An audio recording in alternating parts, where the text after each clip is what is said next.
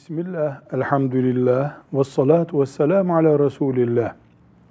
Kıyamet gününde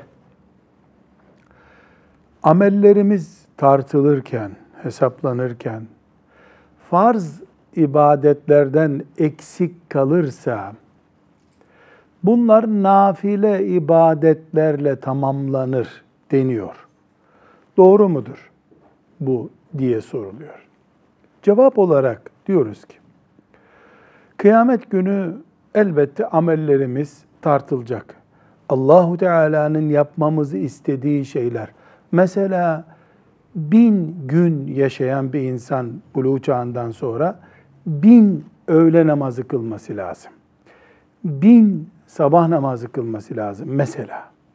Bunlar 970 tane olursa 30'u açık kalacak demektir. Farz ise Allah'ın muhakkak hesabını soracağı şey demektir.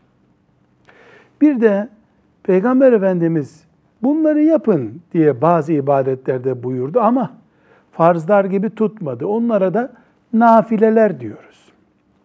Kıyamet gününde farzlardan mesela bin öğleden 10 tanesi 20 tanesi eksik kaldıysa hayatımızda, kazada etmediysek, bunları nafilelerle tamamlar mı Allah? Soru bu. Cevap olarak şunu bilmemiz gerekiyor.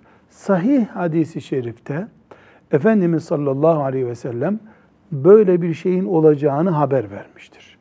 Ama kaç yüz nafile rekat bir farz rekata sayılacak? Allah bunu kime yapacak? Hangi şartlarda yapacak bilmiyoruz.